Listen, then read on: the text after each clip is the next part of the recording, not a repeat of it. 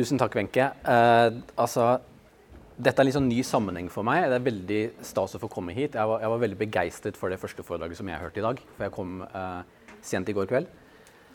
Eh, og Alexis, altså, han er liksom en, han er en drivkraft, ikke sant? Og har gjort, også gjort dette her i mange år, så det var veldig stimulerende å høre på.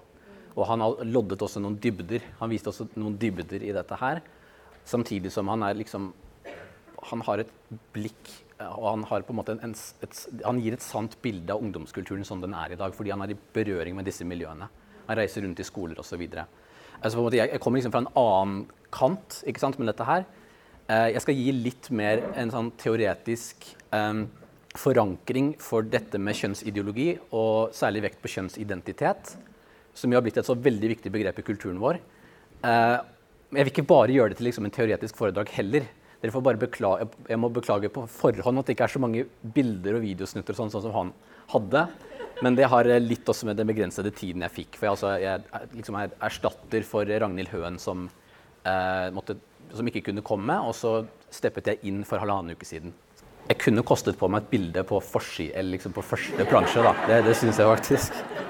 Det er ikke der engang. Det er faktisk et par bilder. Vent og se. Ok, så, Og jeg er litt sånn manusbundet, men jeg skal prøve å være litt fri også. Jeg har liksom noen setninger å komme igjennom, så det er liksom et, et sånn type foredrag. Men frykt ikke. ok? Eh, så I dette foredraget så har jeg lyst til å si noe om den nye forståelsen av kjønn og seksualitet, som jo var liksom den tittelen som Ragnhild opprinnelig hadde uh, blitt gitt. Som hun ble gitt. Uh, jeg ønsker å si noe om ok, hvordan vi forstår kjønn og seksualitet, med vekt på kjønnsidentitet, som jeg sa. Um, jeg skal sånn sett liksom jobbe meg litt bort fra altså Jeg skal ikke si så mye om seksualitet, uh, som, som, Alexis snakket så, så, så, godt om i sted. Uh, jeg skal fokusere på dette med kjønnsidentitet. Og så ønsker jeg også å si noe om den kristne responsen til dette enorme problemet som rammer så mange i dag, og som uh, vi står midt oppi alle sammen i ulike kontekster. Så utgangspunktet mitt for det er jo selvfølgelig å si at det kristne menneskesynet er noe grunnleggende positivt. Det er noe livsbejaende, Eh, og det forstår den kjønnede kroppen, skapt i mann og kvinne, som Guds gode gave. Og det har eh, Alexis allerede snakket om, og med henvisning både til bibeltekster og til um, I lys av ungdomskulturen uh, som den funker i dag. Liksom ikke, det er ikke så lenge siden jeg var ungdom. Jeg liker å si det. ikke sant? Og, uh, men det har skjedd ekstremt mye bare på 15 år ikke sant? I det, på, i det, på, dette feltet her. Og vi har bare vokst opp i en helt annen tid selv jeg som kommer fra liksom en, en, alminnelig norsk, eh, sekulær eh, liksom, eh, by. Da, ikke som ikke gikk på kristen friskole. Som gikk i offentlig skole. Her har det skjedd mye på kort tid. Så poenget, liksom, for å ta konklusjonen med en gang Vi er skapt i Guds bilde som mann og kvinne, og denne sannheten har faktisk en kraft til, å helbrede det såret som den nye tenkningen om kjønn på en måte er et symptom på. Og Det er selvsagt ikke åpenbart hvordan formidlingen av dette grunnleggende gode budskapet skal finne sted. Ellers så hadde vi liksom ikke trengt å være her. på en måte. Eh, det er ikke enkelt å, å liksom vite hvilken tilnærming vi skal ha i en kultur som nå avviser de kristne premissene for å snakke om kjønn. Jeg skal prøve å si litt om det også. Så I første del av foredraget Jeg har altså to deler eh, her. Jeg vil snakke om denne kjønnsidentitet-tematikken og hvordan den på en måte utvikler seg historisk og ideene i den. Uh, og så vil jeg snakke om det kristne svaret. Og imellom det så tar vi en kort pause med litt sånn refleksjon i grupper eller ved bordene. Uh, og så har vi en ti minutters plenumssamtale. Ikke sant? Fordi de to delene er på en måte såpass ulike, så det kan være godt å strukturere det litt. Så jeg har denne første delen, kanskje en halvtime. Og så uh, litt idémyldring i noen minutter. Kanskje strekke litt på beina. Og så en åpen samtale basert på det. Og så gjør vi det samme med del to. Uh, ok, så eh, det, er en ny bok som er kommet, som var veldig beleilig liksom, for, det, for, det, jeg skal snakke om. Fordi den gir en, en ryddig fremstilling av den utviklingen som uh, som vi snakker om her. det er en bok av den britiske filosofen Kathleen Stock. Eller Stock, sier man vel der hun kommer fra. Um, den heter 'Material Girls Why Reality Matters for Feminism'. og og så må vi merke oss med en gang at Stokk, i hvert fall ikke så vidt jeg vet, identifiserer seg som en kristen. stemme. ikke sant? Uh, hun er sekulær feminist. Og også Undertittelen vitner om det. 'Why Reality Matters for Feminism'. Som forsøker å på en måte gå inn i disse spørsmålene på, med utgangspunkt i um, en feministisk idétradisjon. Og Det er også interessant å registrere at stadig flere feminister markerer seg som kritikere av det nye kjønnsbegrepet. På premisser som er helt uavhengige av en kristen kontekst. Og på, for, på mange måter så truer jo den nye forståelsen av kjønn en veldig grunnleggende forutsetning i feminismen. Altså, tenk på at Feminismen tar jo utgangspunkt i selvfølgelig at kvinnen har krav på likeverd, rettigheter og respekt. Og det har selvfølgelig hatt en politisk og sosial, økonomisk side sånn historisk sett. Eh, begynner på slutten av 1800-tallet. Eh, men, men, poenget for de tidlige feministene var jo selvfølgelig at kvinnen faktisk er noe som mannen ikke er. Eh, så, så, jeg mener det nye kjønnsidentitetsbegrepet truer jo liksom denne kvinnens kvinnelighet på en ganske fundamental måte. Så Stock innleder boken med å beskrive fire premisser, eller det hun kaller for aksiomer, i den moderne transaktivismen. Det er sånn hun formulerer det. Eller kanskje kjønnsideologien, kan vi si. Uh, og de fire er som følger. Nå skal jeg lese det. Altså, du og jeg og alle andre har en viktig indre tilstand som vi kaller for kjønnsidentitet. Det er det første premisset.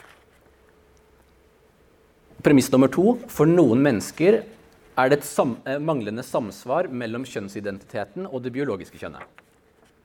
Som er altså mann eller kvinne. Eh, kjønnet som blir tildelt dem ved fødselen.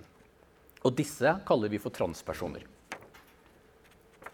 Det tredje premisset, kjønnsidentitet og ikke biologisk kjønn, er det som gjør deg til mann eller kvinne. Eller ingen av delene. Eller noe annet. Eh, og premiss nummer fire. Transpersoners eksistens, liksom deres blotte eksistens, gjør at vi alle har en moralsk forpliktelse til å anerkjenne og gi juridisk beskyttelse til kjønnsidentitet. Og ikke til biologisk kjønn. Sånn? Eh, og, og merk at dette er en forsøksvis objektiv fremstilling av transbevegelsens ideer. ikke sant? Det er en fremstilling som faktisk forsøker å ta um, deres fremstilling av seg selv på alvor. Ikke sant? Så den er forsøksvis nøytral. Og de vil kunne si seg enig i den beskrivelsen som, som, som vi ser her. Og så må vi legge til at disse fire aksiomene har jo ikke kommet fra liksom, ingenting. De detter ikke ned fra himmelen. ikke sant? De har en bestemt forhistorie. Eh, og som dere allerede har fått høre litt om eh, i morges, og kanskje også i går, så er den seksuelle revolusjonen et viktig bakteppe også for kjønnsrevolusjonen. Så de henger jo intimt liksom sammen. Så jeg vil først gi en gjennomgang av utviklingen av det nye kjønnsbegrepet, som er basert på, på Stock sin gjennomgang. Det er helt i begynnelsen av hennes bok, for den er såpass ryddig. Det er mye stoff, men det er liksom en ryddig fremstilling av, av denne utviklingen. Og når vi har sett dette, så blir det også lettere å se hva det kristne alternativet kan være. Um, så Jeg skal stå litt på siden, faktisk. Siden det er viktig at dere ser de punktene. Så nå blir det en, en del tekst på powerpointen her, og så um, er jeg her. så Stock går videre med å beskrive åtte momenter, moments på engelsk, i fremveksten av det nye synet på kjønn. Og jeg skal beskrive hvert av dem, um, hver av disse momentene i det som følger. Og her er på en måte en sånn oversikt, og så skal jeg gå inn i hver av dem nå. Et, et, viktig, viktig, et viktig tillegg om det er at måte, dette er både en historisk utvikling. Sant? Det begynner liksom der, med dette utsagnet fra Simone de Beauvoir, som jeg skal si litt mer om straks. Og så er det en historisk utvikling til det vi kaller for en eksplosjon i antallet kjønnsidentiteter. Så det første momentet Man er ikke født som kvinne, man blir det. Og det er, altså for mange av dere, altså Dette er et velkjent sitat fra Simone de Beauvoir, fransk filosof, eh, i boken 'Det annet kjønn', Le deuxième sex, eh, fra 1949. Og hennes poeng Um, altså, ved, ved, å si dette her så gikk hun egentlig mye lenger enn sine liksom, feministiske formødre som hadde ropt opp om økonomiske rettigheter og rettigheter til adgang til arbeidsmarkedet osv. De hadde jo aldri betvilt som jeg sa i sted, at kvinnen faktisk var født som kvinne. Og de trodde ikke at kvinnen bare liksom kunne, reduseres til en rolle som man har i samfunnet. De Beauvoir mente at kvinnen var blitt så dypt formet av patriarkatet, av menn med definisjonsmakt, gjennom hele menneskets historie. Og kunne ikke forstås uavhengig av det. Sant? Og alt dette her, jeg må bare si det at dette gir jo en gjenklang i hvordan vår kultur omtaler kvinne, kvinner og, og altså feminisme, og hvor på en måte gjengs denne, denne fremstillingen av historien faktisk er i vår kultur. De Beauvoir mente at kvinnen kan ikke fortsette å la seg undertrykke på den måten. Og det, det innebærer for henne ikke bare liksom et angrep på de sosiale normene som har gjort dette mulig, og menn og patriarkat og sånn, men også på kvinnens egen biologi. Og det er et ganske viktig poeng. Eh, og hun vier et langt kapittel i denne boken 'Det annet kjønn' til en kritikk av kvinnens liksom, passive biologi, i motsetning til mannens vitale og aktive biologi. Eh, og særlig retter hun fokuset eh, mot reproduksjonen, altså kvinnens måte å reprodusere på. Hvordan kvinner f.eks. må gå gravid i ni måneder og deretter oppfostre barnet lenger enn noe annet pattedyr. ikke sant? Begge deler, både graviditeten og um, oppfostringen. Nesten 20 år. ikke sant? Litt lenger for noen, men Og dette betrakter de Beauvoir som en kosmisk urettferdighet. At dette er sånn for, for mennesket. Et par steder i den boken så skriver hun også om hvordan prevensjon og assistert befruktning um, kan frigjøre kvinnen fra disse biologiske betingelsene. Så hun skrev altså om bioteknologi lenge før det ble en liksom, eh, teknologisk og politisk virkelighet eh, i det moderne samfunnet. Så, som, som, dere skjønner, så er det noe grunnleggende revolusjonært i hennes form for feminisme. Eh, og jeg tenkte på det i sted da Alexis snakket om det er menn som står bak eh, patriarkatet og sånn. Og det, det, det, tror jeg er helt avgjørende når det, når det gjelder um, Hva skal vi si Altså hvordan man utøver sin seksualitet. Uh, er det helt avgjørende premiss. og det står også altså, i Guds ord til, til, Adam etter syndefallet han skal herske over, herske over kvinnen. ikke sant? Det, det ordene til kvinnen. Så det er noe sant i dette. Mannen er på en måte særlig disponert nettopp pga. hans aktive seksualitet til å misbruke den seksualiteten. Men det er interessant at på en måte den radikaliseringen av kjønnsbegrepet skjer innenfor en sånn feministisk horisont.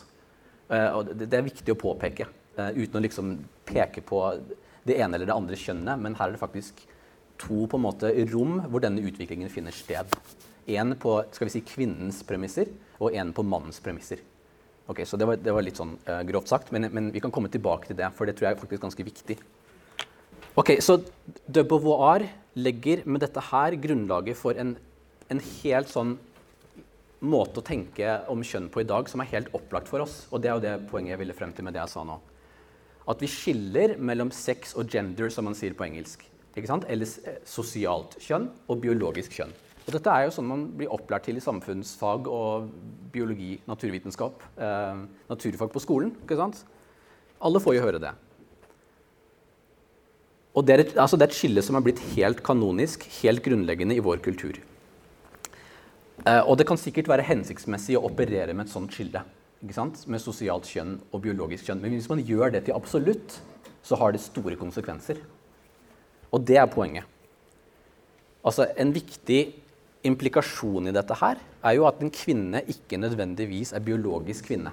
Hvis man skal gjøre et sånt skille mellom et biologisk og et sosialt kjønn. Og de senere feministene som fulgte i de Beauvoirs fotspor, gjorde jo dette her til et absolutt skille. Som vi skal se nå.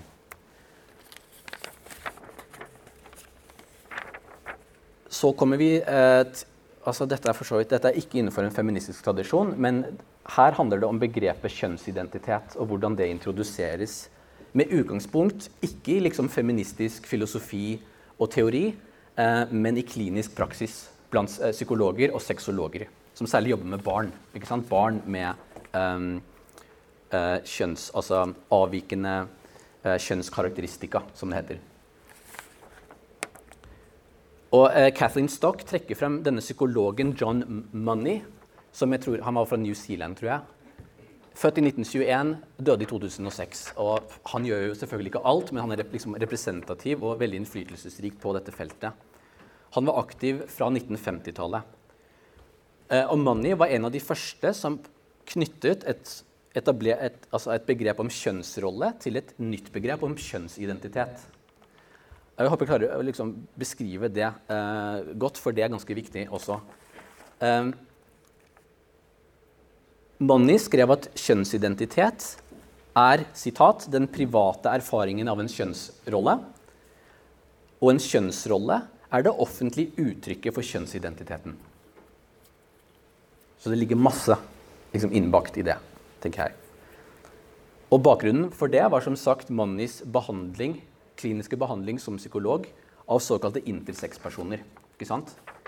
Um, hva, hva, sa man på norsk? Tvekjønnede. Ikke sant? Uh, sa man på norsk før. Det kan man ikke lenger si.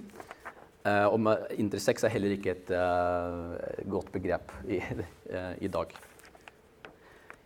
Så i noen mennesker observerer vi altså et manglende sammenfall mellom kjønnskromosomene um, eller det tildelte kjønnet og ytre kjønnskarakteristika.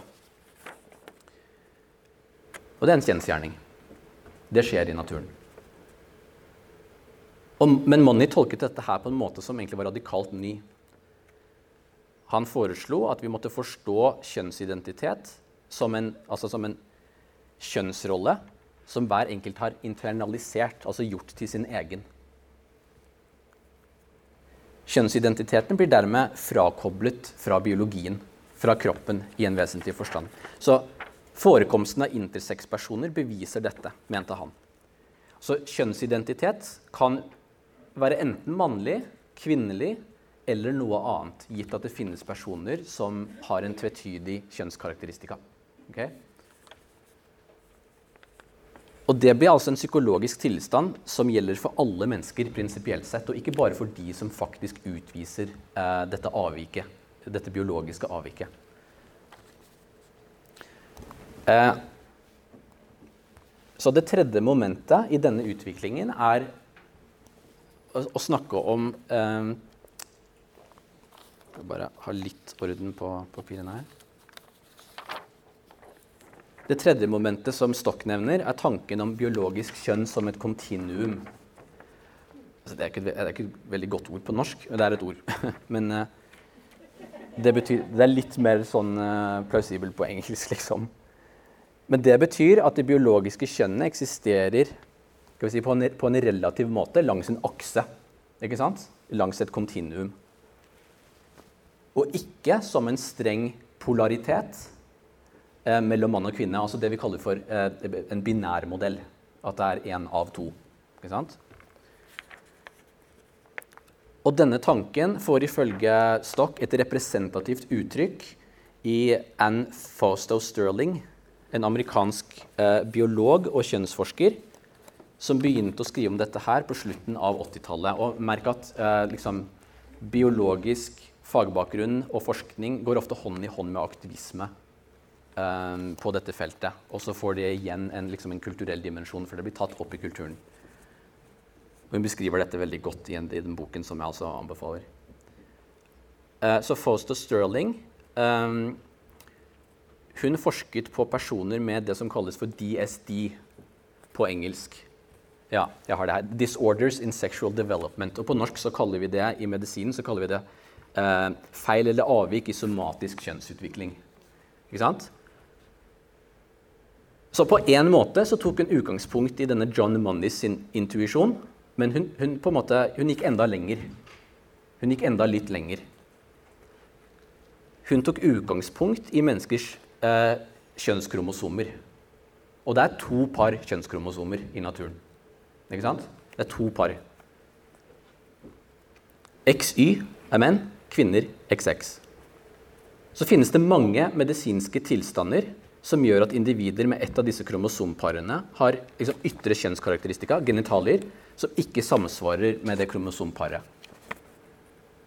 Og Fausto Sterling trekker en konklusjon av det her, nemlig at det finnes flere enn bare to biologiske kjønn. Hun sier at det finnes minst fem, basert på det, denne modellen. Altså Man har menn og kvinner. Det er to stykker. Eh, men man har også hermafroditter. Og, og også såkalte mannlige og kvinnelige pseudohermafroditter. Og dette er basert på hennes eh, observasjoner av hvordan disse avvikene finner sted. Så det er litt komplisert, men altså, poenget er at dette, denne utviklingen går stadig lenger. Det er poenget her. Eh, legg merke til at denne kritikken ikke lenger dreier seg bare om en indre kjønnsidentitet eller en kjønnsrolle som på en måte gis en utenfra, men om selve det biologiske kjønnet. Så selve kroppen.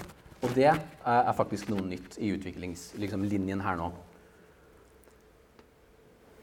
Stock nevner at Foster Sterling har bidratt eh, til hvordan vi snakker om et tildelt kjønn ved fødsel.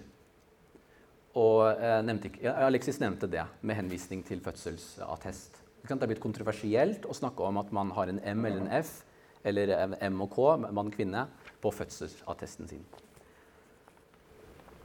Så medisinsk personell, leger og sykepleiere osv. kan i prinsippet ta feil av hva slags kjønn de er. Det er alltid en mulighet for at de kan ta feil. Kanskje er jeg noe annet innerst inne. Så å skrive ned mann eller kvinne på fødselsattesten vår blir altså noe som egentlig er helt vilkårlig. Det er noe som er helt vilkårlig. Ok, Så det fjerde momentet handler om kjønn eh, Om sosialt kjønn eller gender som en performance.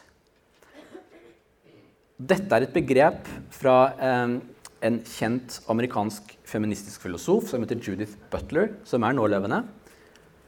Hun er en av de aller viktigste premissleverandørene for dagens transbevegelse. Så på en måte ett navn dere vil knytte det til, så er det Butler. Hennes hovedverk utkom i 1990 og heter 'Gender Trouble Feminism and the Subversion of Identity'. Og allerede i den undertittelen og, og tittelen så er det ganske et, et kraftig budskap. Sånn. Og Butler er en nærmest uleselig filosof, så det er bedre å lese Kathleen Stock sin uh, gjengivelse av henne. uh, for Butler er ikke kjønn noe vi er. Og det er ikke engang noe vi kan vite noe om. Kjønn er noe hun kaller, for, altså hun kaller det for performativt. Kjønn er noe som aktualiseres i handling. Hvordan vi iscenesetter oss selv i det sosiale rommet vi er i, i samfunnet osv. Og grunntanken som ligger bak dette, kan jeg knytte direkte til liksom bestillingen jeg fikk her.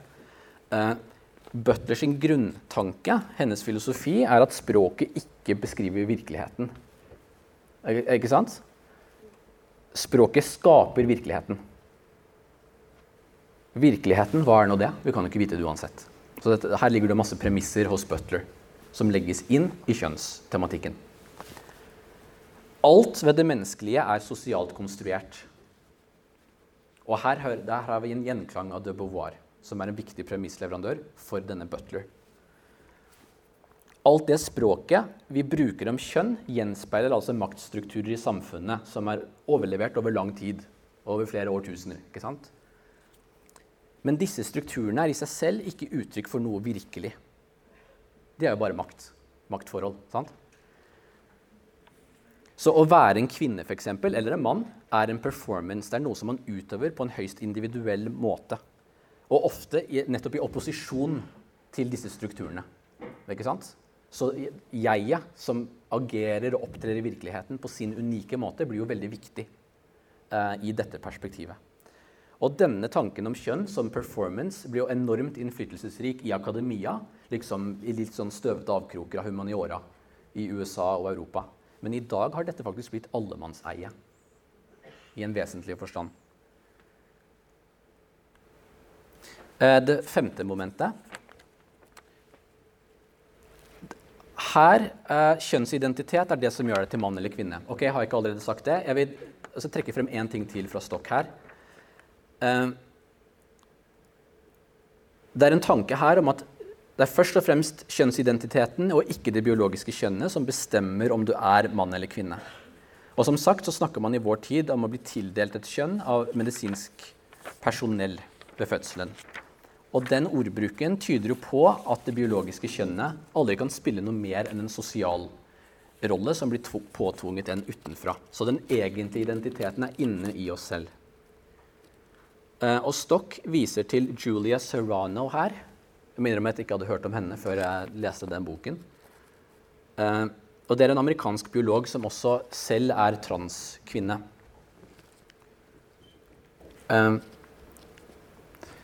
Så I boken 'Whipping Girl' fra 2007 skriver Serrano at trans må betraktes som et adjektiv på lik linje med katolsk eller asiatisk, skriver Stock. da. Som katolikk så er jeg uenig i det. Men uh, og poenget med det, å si liksom at det er et adjektiv og ikke et substantiv, da, antar jeg, det er nettopp at trans er en variant av kvinne. ikke sant? Det er en undergruppe innenfor den større kategorien kvinne. Som er kvinne på akkurat de samme i hvert fall på skal vi si, likeverdige premisser som cis-kvinner. Uh, og det begrepet kommer nettopp inn her. Så Whipping-girl bidro til utbredelsen av begrepet cis. CIS. Ja, jeg har det her. Den populariserte dette begrepet, som dere kanskje etter hvert har hørt om, men dette var jo noe som var helt nytt for meg for liksom et par år siden. Uh, og cis er en betegnelse på en person hvis biologiske kjønn og indre kjønnsidentitet sammenfaller. Og som sagt så kan vi aldri vite på forhånd om det sammenfaller, men en cis-person, så de fleste av oss, den majoriteten av mennesker, uh, er en cis- eller cisgender-person. Så alt dette her utgjør en veldig radikal endring i hva det vil si å være mann eller kvinne. Innenfor kategorien kvinne har vi altså undergruppene transkvinner og cis-kvinner. Og innenfor kategorien menn så har vi eh, altså cis-menn og trans-menn. Og dette betyr selvfølgelig at det er den opplevde kjønnsidentiteten som bestemmer om jeg er mann eller kvinne. Hvordan jeg liksom kommer til den kjønnsidentiteten, spiller det egentlig ingen rolle lenger. Hva som var utgangspunktet mitt biologisk sett. ikke sant? Um, og dette er noe som, dette er også et interessant poeng som jeg har helt nederst der, som dere dessverre ikke ser. Uh, men dette er noe som Serrano overfører på seksuell orientering også. Og det er ganske interessant. Altså, opprinnelig vokste jo eh, homobevegelsen frem for å kjempe for rettigheter for personer. Som, det er bare en objektiv beskrivelse. Den kjempet for rettigheter for dem som er seksuelt eller romantisk eh, tiltrukket av, av, mennesker av samme biologiske kjønn. Av samme biologiske kjønn. Ikke sant? Men hva er det som, er det som skjer her, når man kommer ut på 2000-tallet? Altså Det premisset må kraftig revideres. Um, Serrano er jo f.eks. selv transkvinne, altså født som, som mann, uh, men tiltrukket av kvinner. Så Serrano identifiserer seg derfor som en lesbisk transkvinne. Og Det betyr at seksuell orientering blir dermed underordnet et mer grunnleggende begrep, nettopp om kjønnsidentitet. Så. Um,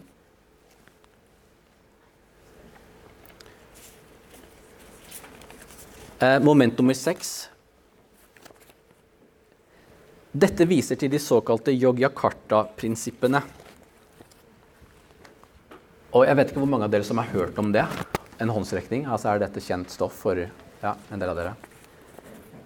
Eh, disse prinsippene ble utformet av ulike aktivistorganisasjoner innenfor denne større altså homo, homo eh, og transbevegelsen i 2006 i den indonesiske byen Yogyakarta. Og disse prinsippene slår fast at valget av kjønnsidentitet eh, er en menneskerett på linje med retten til, altså retten til liv og, og helsehjelp osv. Og, og prinsippene ligger til grunn for svært mye lovgivning i vestlige land, også Norge. Mange av disse prinsippene handler om liksom, en regulær rett til beskyttelse mot overgrep, forfølgelse og diskriminering av, av enkeltpersoner. For så vidt uavhengig om de er eh, er trans eller eh, lesbiske eller, eller, hva det måtte være. Og det er mer, i hvert fall mer i større grad i tråd med en alminnelig forståelse av menneskerettigheter som vi har holdt oss med her i Vesten. Uh, Men noen av prinsippene er svært radikale fordi de forutsetter den forståelsen av kjønn som er beskrevet, og gir dem, gir dem også en politisk dimensjon. Og en politisk eh, en sprengkraft, egentlig. Og et av de sentrale prinsippene er som følger at seksuell orientering og kjønnsidentitet er grunnleggende for hvert menneskes verdighet og uh, humanitet. Et av kravene i, disse, i, dette dokumentet er at ingen skal tvinges til å gjennomgå sterilisering eller hormonbehandling eller andre eh, inngrep ved overgangen fra et, juri, et, juridisk kjønn til et annet. Og som dere, som dere, vet, så var jo dette norsk lov frem til 2016, altså for fem år siden. Da ble, da ble denne loven i Norge endret. Denne juridisk kjønn-loven. Før 2016 så måtte nordmenn som skiftet kjønn, også gjennomgå sterilisering. Men etter årelangt press fra aktivister så ble det til slutt endret. Og, og altså det, det, har jo den konsekvens også at transmenn, som altså er biologiske kvinner som identifiserer seg som menn, kan bli gravide. Så, de så det er menn som blir gravide. Det skjer jo i et lite omfang, riktignok, men dette er også en realitet pga. dette. Og det er noe som er helt nytt i menneskehetens historie. bare sånn, så det er sagt. Denne lovendringen var selvfølgelig helt i tråd med høyreregjeringens veldig eh, si, progressive profil på dette området. Eh, som Bent Høie sa, den gangen så var det en seier for menneskerettighetene. Og det er selvfølgelig helt i tråd med Yogyakarta-prinsippene. Så når vi syv og åtte er straks ferdig med denne delen, så tar vi en pause. Dette her eh, begrepet turf blir oppfunnet Det skjedde ganske nylig. Um, altså, turf står for Trans-Exclusionary Radical Feminist. Altså på norsk noe sånt som en transutelukkende uh, radikal feminist, eller transfiendtlig. Og det er et begrep som er blitt funnet, på, uh, funnet opp for å karakterisere feministiske kritikere av denne nye kjønns tankegangen, um, som jeg sa innledningsvis. Og vi har sett stadig flere feminister som tar til orde på helt sekulære premisser eh, mot den nye tenkningen om kjønn. Og formodentlig vil jo eh, Stock selv havne i denne kategorien, hun som har skrevet den boken. Eh, vi har også sett hvordan forfatteren J.K. Rowling blir plassert her. Jeg vet ikke om dere har snakket om henne så langt eh, i eh, disse dagene. I fjor så uttalte eh, Rowling, som altså skrev Harry Potter-bøkene, ikke sant, uttalte seg kritisk eh, til en omtale av kvinner som mennesker med mensen eh, i et anerkjent eh, medisinsk tidsskrift. Naturvitenskapelig og medisinsk tidsskrift. Eh, jeg har det vel her. Ja. 'People who menstruate' var det begrepet som ble brukt faktisk i et eh, Det var vel i The Lancet, som er et medisinsk tidsskrift. da. Uh, og det har ført til en, en enorm reaksjon mot, mot, Rowling som enkeltperson. Uh, mediene forteller i disse dager at hun pga. dette ikke er blitt invitert til 20-årsjubileet for filmene om Harry Potter. For hun var jo veldig instrumentell, veldig viktig selvfølgelig i, den, i utformingen av de, av de filmene. Uh, og flere eksempler på sånn 'cancelling culture', som man kaller det. Altså utblokkering, liksom, kultur. Utestengelse. Eh, det, det, sitter vi alle med, ikke sant? fordi dette er noe som dukker opp, særlig i den amerikanske og eh, britiske konteksten. Så det siste poenget, siste momentet her. Dette åttende momentet følger jo egentlig logisk av alt det foregående. Vi snakker i vår tid om en, en sann eksplosjon av ulike kjønnsidentiteter, skriver Stock. Og vi vet at sosiale medier lar en velge mellom en drøss med kjønnsidentiteter med tilhørende forkortelser, akronymer av alle slag. Og Facebook lar oss velge mellom 71 eh, av dem. Eller så kan man skrive inn en identitet selv. Og etter hvert har selvfølgelig også myndigheter i mange land begynt å åpne for uh, et tredje kjønn i uh, hva sier man, personregister og pass osv. Og, så og den lovgivningen får vi jo helt sikkert snart også i Norge. Eh, med, med, denne regjeringen. Og en ansvarlig minister som om mulig går enda lenger på dette feltet enn forgjengeren. Og dette punktet om eksplosjon av kjønnsidentiteter er ganske viktig, fordi um, det viser hvordan utviklingen av kjønnsforståelsen egentlig ender med en total kollaps av alle objektive kategorier og distinksjoner. Altså Det vi til slutt ender opp med her, er en forståelse av identitet, inklusive kjønnsidentitet, som egentlig bare er opp til en selv å definere. Så Det er liksom der jeg vil, eh, vil ende opp. Det viktigste premisset er jo ikke lenger at man faktisk tilhører en kjønnskategori. Enten det er mann, kvinne, eller trans eller cis, eller hva det måtte være. Men at man skaper sant, performance. Man skaper og på en måte bebor denne kategorien helt selv. På sine helt unike premisser. Med andre ord man blir sin egen kategori. Det ligger mye sårbarhet bak det. det ligger mye i det. Jeg tenker at dette sier noe viktig om det kulturelle øyeblikket som vi nå gjennomlever, og samtidig sier det noe om hvor det spesifikt kristne svaret på en måte kan komme inn og hjelpe denne kulturen. Alexis har sagt mye om det på en, på en bedre måte enn jeg liksom, har mulighet til å gjøre nå. Uh, men ressursene finnes der. Så på den ene side så er det viktig for oss som kristne å fastholde at Gud har skapt oss til mann og kvinne. Okay? At vi er skapt i Guds bilde, gjenspeiles i den kjønnede kroppen vi har. Og på den annen side tror jeg det er veldig viktig overfor denne kulturen og de etter hvert eh, nokså mange eh, forpinte menneskene som lever i den, eh, som nå er dømt til å danne sin helt egen identitet osv., å kunne peke på det som virkelig er kjernebudskapet i den kristne troen. Nemlig at Gud elsker hvert menneske og har en plan for hvert menneske, og at deres primære identitet er at de er Guds barn. De er ikke sin kjønnsidentitet. Og det skal jeg si noe om i del to, som kommer straks um, etter en pause. Uh, jeg vil bare si en liten ting til slutt som er liksom skriblet inn i margen her, fordi jeg syns det var viktig, og hadde ikke det med her. Men jeg vil bare si at det er veldig viktig å si at i og med denne utviklingen her, hvis jeg skal liksom sitte igjen med et poeng, så er det at avvikende eller skal vi si, kjønnsidentiteter som befinner seg utenfor liksom, todelingen mellom mann og kvinne, det er noe som ikke lenger bare gjelder de som har avvikende kjønnskarakteristika osv. Det gjelder i prinsippet alle. ikke sant? Så vi er alle trans i en veldig avgjørende forstand. Uh, vi kan ikke vite hva vi er ut fra kroppen, ut fra biologiske fakta ut fra skapelsesteologi, enda mindre ikke sant, i vår kultur. Eh, så jeg ønsker å si noe mer om det etterpå. Så takk. Eh, da tar vi ti minutter, var det det? Ti minutters pause.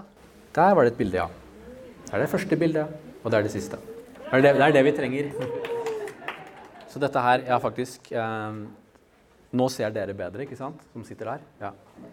Billedteksten. Dette er altså Michelangelos eh, freske i Det sixtinske kapell.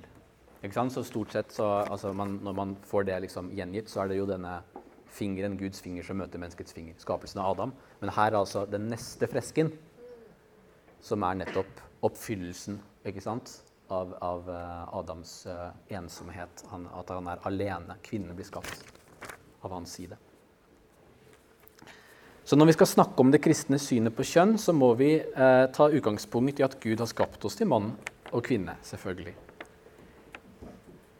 Det krever også at vi tenker nøye over hva det vil si å være skapt. Å være skapt til mann og kvinne er eh, Nå skal komme med en påstand her som jeg skal prøve å begrunne litt. Å være skapt til mann og kvinne er ikke noe som vi bare kan liksom redusere til et spørsmål om biologi. Og selv om biologien selvfølgelig er et synlig uttrykk for denne skaperplanen Biologien er en metode som gjør at vi kan liksom avlese det vi ser i den skapte naturen. Det er, en, det er jo en menneske, menneskelig konstruert metode i, i seg selv. Sant? Den kan ikke i seg selv si noe om Guds skapergjerning, eller meningen med den, selv om vi kanskje kommer til biologien med det som en premiss. Og det mener jeg at man skal. selvfølgelig. Og Gud er metodologisk utelukket fra biologien. Altså Det kan man også diskutere, men selvfølgelig i det meste av moderne biologi så er han det. Så her må vi altså gå et skritt videre enn det Stokker videre i sin bok. Og jeg på en måte legger den boken til side nå og formulerer noe som er liksom noe jeg eh, kommer med fra, fra, mitt, fra, min, eh, fra, mitt, ståsted og liksom min, min in, intuisjon her. Så poenget mitt er eh, som følger Å snakke om skapelsen er å snakke om et grunnlag. Det handler om selve grunnlaget for hva det vil si å være et menneske. Og det er et grunnlag som ligger under alt det andre vi sier om mennesket, ut fra biologien, øh, psykologien, sosiologien osv. Og, og det er på den måten noe som er førvitenskapelig, en førvitenskapelig måte å forstå hva mennesket er på. Ikke uvitenskapelig, men førvitenskapelig, som et grunnlag for disse andre vitenskapene. Og, og, det er en tenkemåte som vi har vanskelig for å faktisk gå inn i. Det er veldig lett for oss som kristne å liksom ty til en biologisk forklaringsmodell når vi skal forsvare Guds plan for mennesket. Uh, altså, det er to kjønn, f.eks. Og det er XX og det er XY. Og som jeg har vist hittil, så er moderne biologi også blitt en slagmark i den større kampen uh, om kjønn. Det har jeg, prøvde jeg å vise i første del. Altså, Toneangivende biologer, ikke bare, seks, altså, ikke bare filosofer og sånn. Eh, biologer med radikale teorier om kjønn har jo vært blant dem som har bidratt til å undergrave denne kjønnsforskjellen mellom mann og kvinne. Fra ganske tidlig av i denne utviklingshistorien. Uh, og det er veldig lett å bare se på og observere disse avvikene i naturen. Vi snakket litt om det i sted også i plenum det er lett å se på disse avvikene, f.eks. individer med avvikende kjønnskarakteristika, eh, og på en måte lage en ny regel ut fra de unntakene. Og akkurat det var jo faktisk begynnelsen på den moderne kjønnsforståelsen, med John Money osv. Men når vi snakker om at vi er skapt til mann og kvinne, så snakker vi om noe som ikke uten videre kan identifiseres med biologiske kjensgjerninger. Og det, unnskyld, det, vil, det vil være et premiss for det jeg kommer til å si videre. Eh, så svaret på spørsmålet som jeg har stilt her, jeg vet ikke om det er et godt spørsmål, men skapt sånn eller født, uh, født sånn, født sånn eller skapt sånn, er selvfølgelig ja takk, begge deler. Både biologi, men også skapt. Og jeg tenker altså igjen uh, en, en margnote her. altså Dette er faktisk viktig for hvordan vi kommuniserer det at mennesket er mann og kvinne ut til kulturen, men også i kristne kontekster hvor, hvor dette her ikke er tatt for gitt lenger. Eh, fordi hvis vi bare viser på en måte til et biologisk skille, ok, du er XX eller du er XY, så stanser det på en måte samtalen vår med andre mennesker. Og hva mener jeg med det? Jo, fordi det sier ikke noe i seg selv om at altså XX og XY det peker ikke i seg selv på at det, eh, den kjønnspolariteten, eh, altså menneskets kjønn, er skapt av Gud med en hensikt. Så det, det er et poeng jeg kommer til å utdype litt. For å få dette her bedre frem um, så må vi liksom anlegge et perspektiv på skapelsen. Hva vil det si å være skapt i Guds bilde? Og det viktigste vi kan si om det, etter mitt skjønn, er at vi er skapt av en Gud som elsker oss, og som av den grunn har skapt oss ut av ingenting. Ut av intet ex nihilo. Å skape ut av intet er det bare Gud som kan gjøre. Når vi skaper noe eller lager noe, så har vi alltid en, en modell, og vi jobber liksom med ting i, i verden, forestillinger vi har osv. At vi mennesker er skapt av Gud, er en gave. Vi er en gave. Og en ekte gave er noe som kommer uventet. Det er noe overraskende, noe som overskrider våre forventninger. Altså Hvis jeg liksom gir en handleliste til eh, familien min og ber dem om å kjøpe meg det og det til jul, så er ikke det en gave. Ikke sant? Da har jeg kontroll. Eh, en kontrollert forventning om hva jeg skal, hva jeg skal motta. Å være skapt ut av ingenting må jo virkelig være den ultimate gaven. Nettopp fordi det ikke finnes noe på forhånd som kunne forutsi dette her. Det finnes ingenting på forhånd. Vi er skapt ut av ingenting annet enn Guds egen kjærlighet til oss. Så, altså, jeg mener dette her på en måte, på, e, I en forstand noe vi på en måte tar som en selvfølge som kristne, men dette er noe mer enn en from frase. Altså. Dette er faktisk en, en lesenøkkel for å forstå hvem vi er, i dyp forstand. Hvert menneskeliv som kommer til verden, eh, gjør det gjennom menneskers deltakelse i Guds skapergjerning. Hvert menneske er en gave. Gud så på det han hadde skapt, og sa at det er såre godt. Og det er en realitet. Det er et utsagn si, fra Gud som ikke utviskes, selv etter syndefallet. Det er ikke noe som kan utslettes. Selv om vår verden er en fallen verden, er den fortsatt god. Dette gaveperspektivet må også bære forståelsen vår av mennesket slik det er skapt i Guds bilde. Og ikke bare det. Gaven er noe som kommer konkret til uttrykk i det at vi er skapt til mann og kvinne. Så For å eh, si mer om dette så må vi altså se på skapelsesfortellingen. Og det er Jesus selv som ber oss om å begynne der. Alexis var litt inne på det også. Så jeg vil innlede med å sitere fra Guds ord. Noen fariseere kom for å sette Jesus på prøve, og de spurte har en mann lov til å skille seg eh, av en hvilken som helst grunn. Og han, Jesus, svarte. Har dere ikke lest at Skaperen fra begynnelsen av skapte dem som mann og kvinne, og sa:" Derfor skal mannen forlate far og mor og holde fast ved sin kvinne, og de to skal være én kropp så er det ikke lenger to. De er én kropp. Og det som Gud har sammenføyd, skal mennesker ikke skille. Og de spurte ham, hvorfor har da Moses bestemt at mannen skal gi kvinnen skilsmissebrev før en kan sende henne fra seg?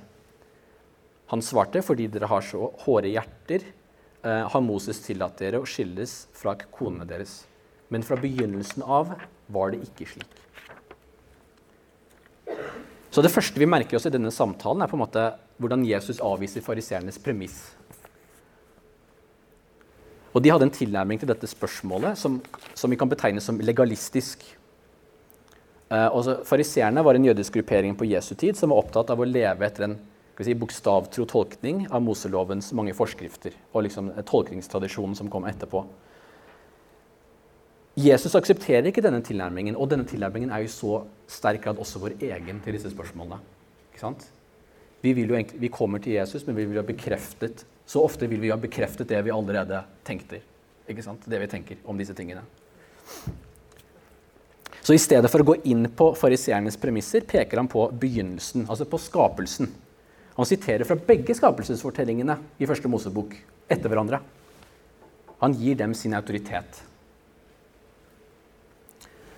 Og det han sier her, er selvfølgelig avgjørende for all kristen tenkning om ekteskapet. Så la oss følge hans råd og gå til denne skapelsesfortellingen. Og så vil jeg si også til slutt at Disse fariseerne representerer noe mer enn bare liksom sin samtids uh, jødiske grupperinger. eller noe sånt. De representerer oss alle. Og Det betyr også at Jesus eh, i denne samtalen snakker til oss alle. Og Det er selvfølgelig sånn vi må lese Guds ord også. Ok, så Jeg ønsker å ta utgangspunkt i den andre skapelsesfortellingen i første Mosebok, den som er i kapittel 2. Og Her finner vi en levende beskrivelse av skapelsen av mann og kvinne, som er av varig betydning for oss. Først skaper altså Gud Adam, som betyr menneske på hebraisk. Han skaper Adam av, av jorden. Eh, han skaper Adam av jorden på hebraisk 'adama'. Så her er det et ordspill.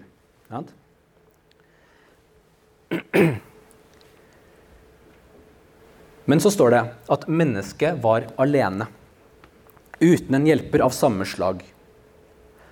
Så lar Gud en søvn falle over mannen og skaper kvinnen av hans side. Så dette er, parafraserer jeg bibelteksten. da.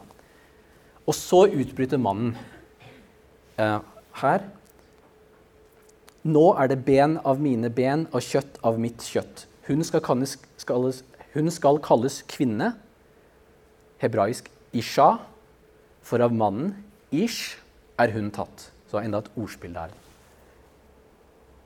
Jeg skal si litt mer om det straks. Så, okay, så denne fortellingen, som vi har hørt så mange ganger, den peker på noe som jeg tror er viktig i vår sammenheng. Og et, litt sånn subtilt poeng som jeg tror er veldig viktig. Mannen og kvinnen er både like og forskjellige på samme tid. Mannen kan kalle kvinnen, og, mannen, eh, og kvinnen kan kalle mannen, for ben av mine ben. Så de, de, er begge mennesker. De tilhører den samme menneskelige naturen. Men hvis de likevel uansett er mennesker begge to, hvorfor skulle Gud innføre en kjønnsforskjell i mennesket til å begynne med? Altså, Hvorfor skulle denne kjønnsforskjellen komme inn i verden? Det er et interessant spørsmål. Og da tror jeg vi må se på, på hva som skjedde før eh, kvinnen ble skapt eh, ut av mannen. Hva var det Gud skapte Adam til å være? Jo, han var Guds tjener i Edens hage. Og Dette peker på noe viktig, og jeg kunne utbrodert det. Skulle gjerne ha tid til det, men poenget mitt er simpelthen dette. Mennesket er først og fremst skapt for å tilhøre Gud. Det er skapt for Gud. Det er vår primære identitet, som jeg sa i sted. Og Alexis sa uh, å ære Gud i alle ting. Noe sånt som det. Altså, han siterte en, eh, en av Davidssalmene.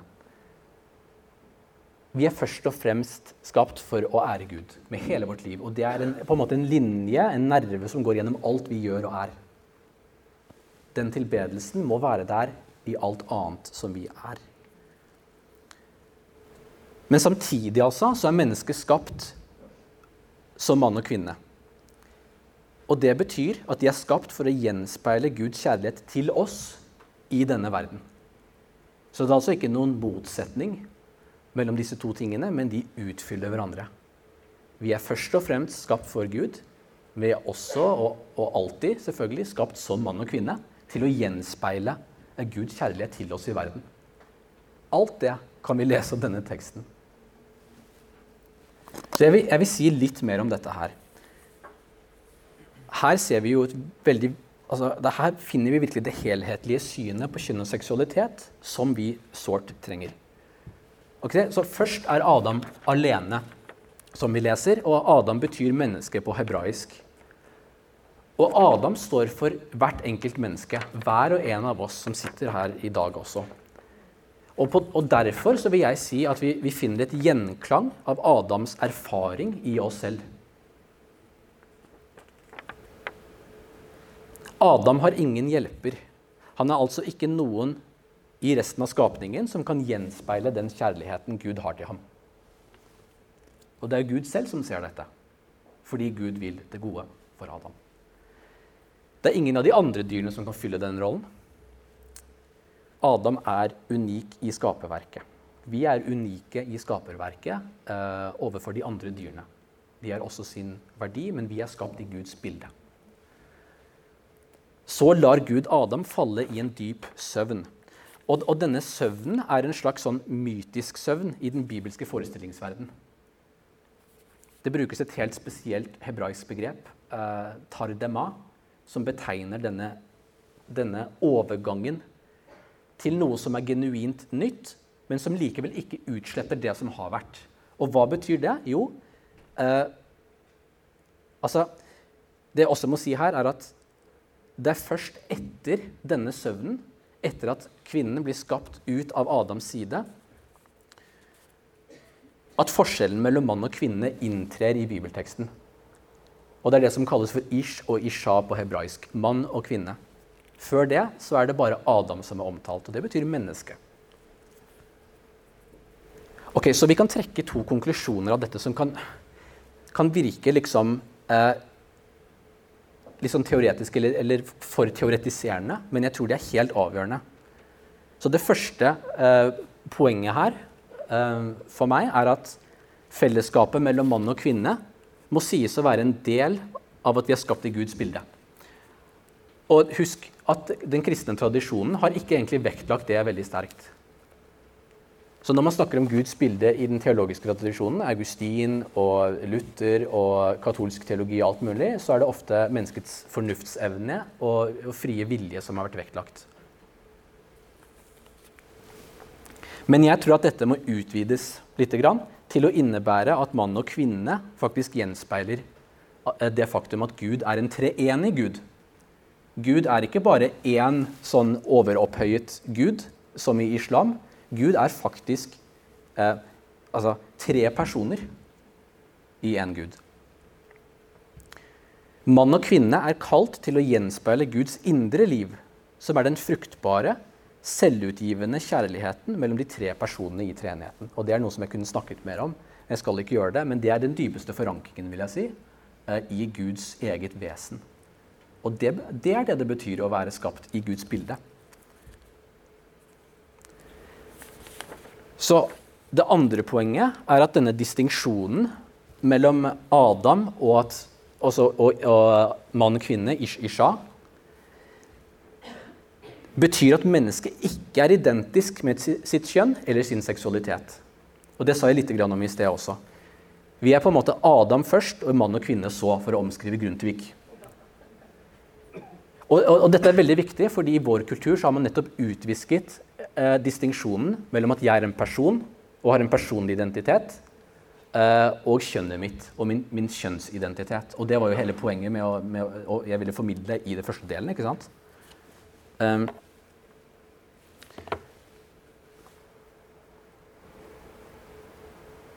ikke sant? Så man sier i vår kultur at den jeg er som person, er at jeg er en mann, kvinne, trans eller f.eks. homofil eller, uh, eller heterofil osv. Eller noen av disse utallige andre individuelle kjønnsidentitetene som på en måte har kommet til den eksplosjonen av kjønnsidentiteter.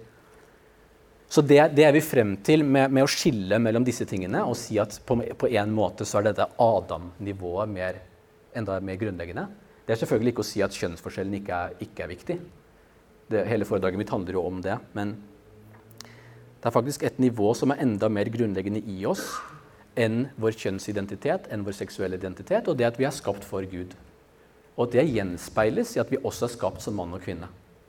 De kan ikke utelukke hverandre. Så jeg er først og fremst et menneske, en person, som er skapt i fellesskap med Gud. Jeg er også kalt til å leve ut det fellesskapet kan vi si, gjennom fellesskapet med det motsatte kjønn. Og liksom eh, si, hva, sier man, Erketypen på det, liksom det kroneksempelet på det, er selvfølgelig ekteskapet mellom Adam og Eva. Som også selvfølgelig er strukturen for alle de ekteskapene vi inngår i historien med hverandre. Og utgangspunktet for det kristne ekteskapet.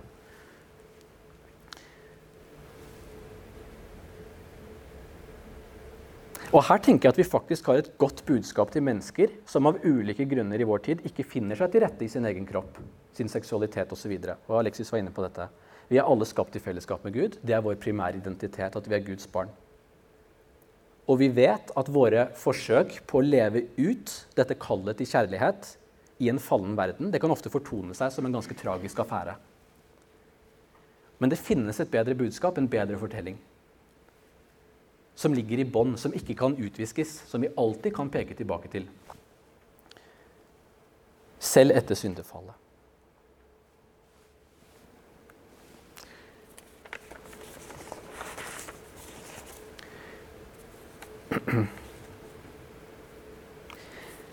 Jeg vil si litt om hva det betyr at kroppen er en gave. Og det er ganske åpenbart at i den nye kjønnsideologien som jeg har beskrevet, så er kroppen eh, ingen gave i det hele tatt.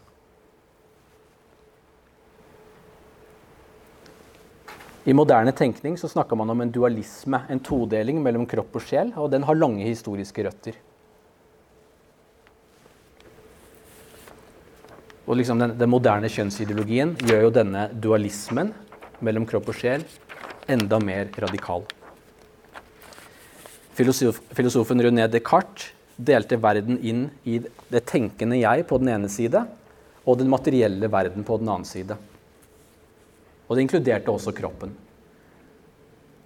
Og denne materien, alt det rundt meg, alt som ikke er min, min selvbevissthet, er i utgangspunktet tom den, den er tømt for mening. Og han, dette er jo liksom fødselen til moderne naturvitenskap.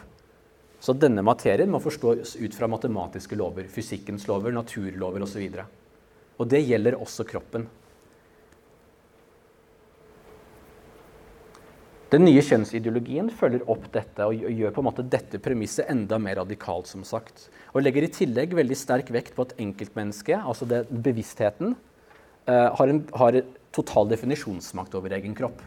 Alt dette her er et poeng som jeg kunne ha utbrodert mer, for dette er på en måte de dypere filosofiske forutsetningene for uh, dette begrepet om kjønnsidentitet som vi ser i dag. Men jeg valgte å fokusere på den litt nærere konteksten. Okay? Men uh, poenget er at kroppen i dette perspektivet her blir virkelig et fengsel. Og en byrde. Noe som jeg må komme til rette med. Prinsipielt sett i kristen tradisjon er kroppen et synlig tegn på Guds gave. Nemlig at vi er skapt ut av ingenting, av kjærlighet. Og jeg vil si litt om hva det betyr. Hva betyr det? For det er en, egentlig en enorm påstand som kristendommen her kommer med. Det at vi er skapt i mann og kvinne, blir også et særlig tegn på denne gaven. Så hva betyr det? Denne gaven er innskrevet i kroppen vår. Denne gaven. At vi er skapt ut av ingenting og at vi gjenspeiler eh, denne kjærligheten fra Gud eh, i, i, vår kjønnede kropp. Så kroppen vår uttrykker en mer grunnleggende åndelig realitet. Det er det at vi er skapt for Gud. Og det er det jeg mener med at vi ikke kan redusere dette til biologi. For det er en åndelig realitet her som samsvarer med kroppens opprinnelige betydning. Og det kan vi ikke forklare ut fra biologiens eh, premisser rett og slett. Og den kan selvfølgelig understøtte det argumentet, fordi det også selvfølgelig er en biologisk objektivitet og sånn. Og det er en, en naturvitenskap. Uh, men her er det faktisk et annet sjikt, et annet nivå, som vi må ned til.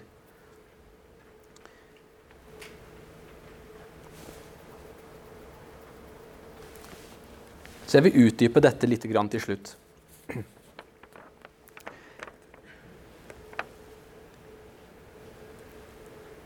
Vi må si at kroppen har en helt grunnleggende betydning for hva det vil si å være menneske. Kroppen har en mening. Og kroppen har en mening i en dypere forstand enn at bare som sagt, kromosomparet f.eks. peker på at jeg er mann eller kvinne. Kroppen er et synlig tegn på at jeg er skapt for den andre. Som igjen blir et bilde på at jeg er skapt for Gud, den helt andre. Das ganz andre, som, eh, som en eh, en, en religionsfilosof eller forsker har, har, sagt. Det var kanskje Otto.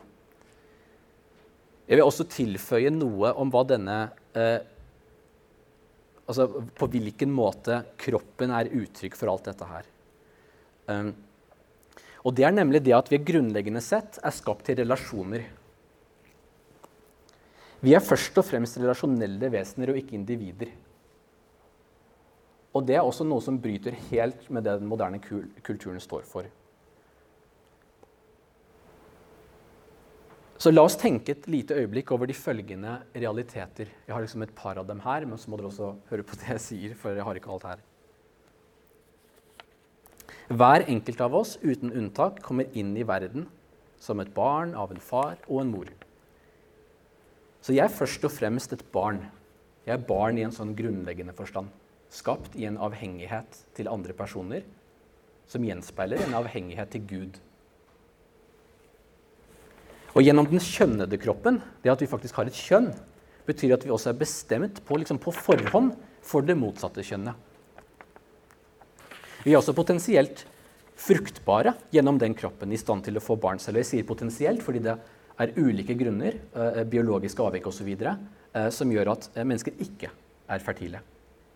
Men jeg snakker om et eh, skapelsesteologisk nivå. Og vi kan snakke litt mer, håper jeg. Nå er jeg snart tom for tid, men eh, det er faktisk to ulike ting. Jeg har prøvd å si litt om uh, hvorfor nå.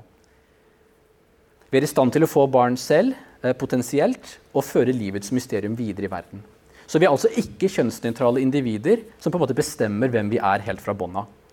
Vi er allerede situert i relasjoner um, som vi ikke velger selv.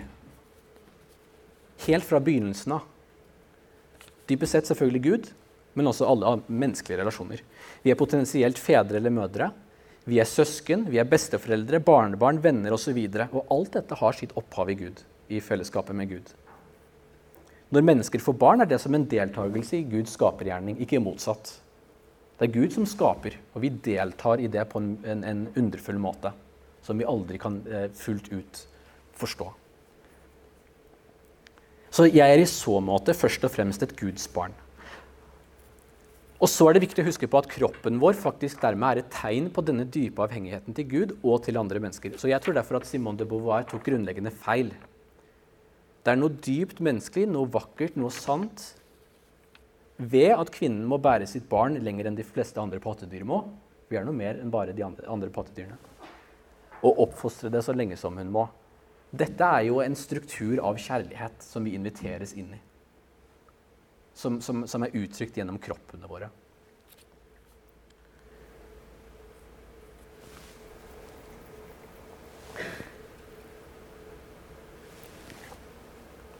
Nå skal jeg kutte litt på slutten og eh, ta den siste sliden min.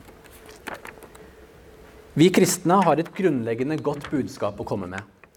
Det finnes en opprinnelig mening med våre liv som vi aldri kan viske helt ut, uansett hvor hardt vi kanskje forsøker. Hvert menneske er en gave, og denne gaven er gjenspeilet i kroppen vår. Den har en dyp betydning.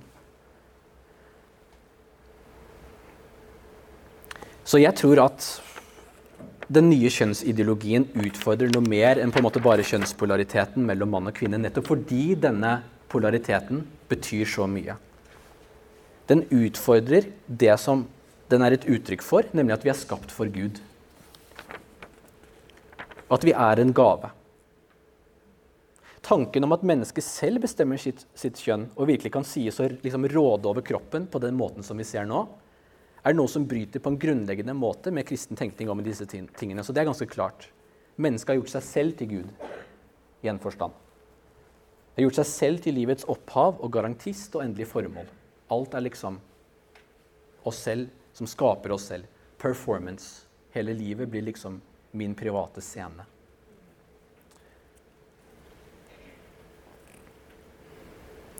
Å si nei til dette som kristen, å si nei til denne utviklingen, å si nei til denne forståelsen av kjønnsidentitet, seksuell orientering osv., også i oss enkeltpersoner, er alltid et nei som finner sted innenfor et større ja. Et ja til den personen. Et ja til at du først og fremst er skapt i Guds bilde, Eh, at du er elsket, at Gud elsker deg, og at andre mennesker elsker deg. Og at det er faktisk viktigere.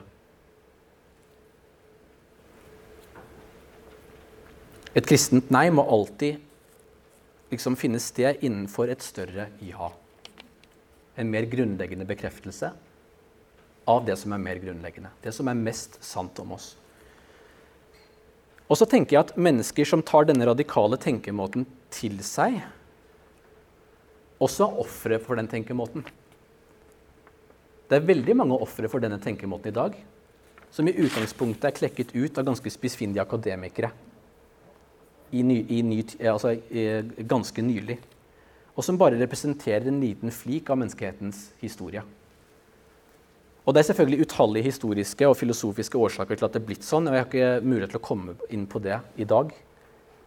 Um, men jeg håper dere har fått noe ut av denne gjennomgangen av, eh, av transbevegelsens, den, eh, altså dens uh, idégrunnlag og liksom utvikling i, i, vår nylige historie. Og at dere har fått noe å, tenke på og drøfte videre eh, i denne del to, hvor jeg har forsøkt å beskrive et positivt kristent alternativ.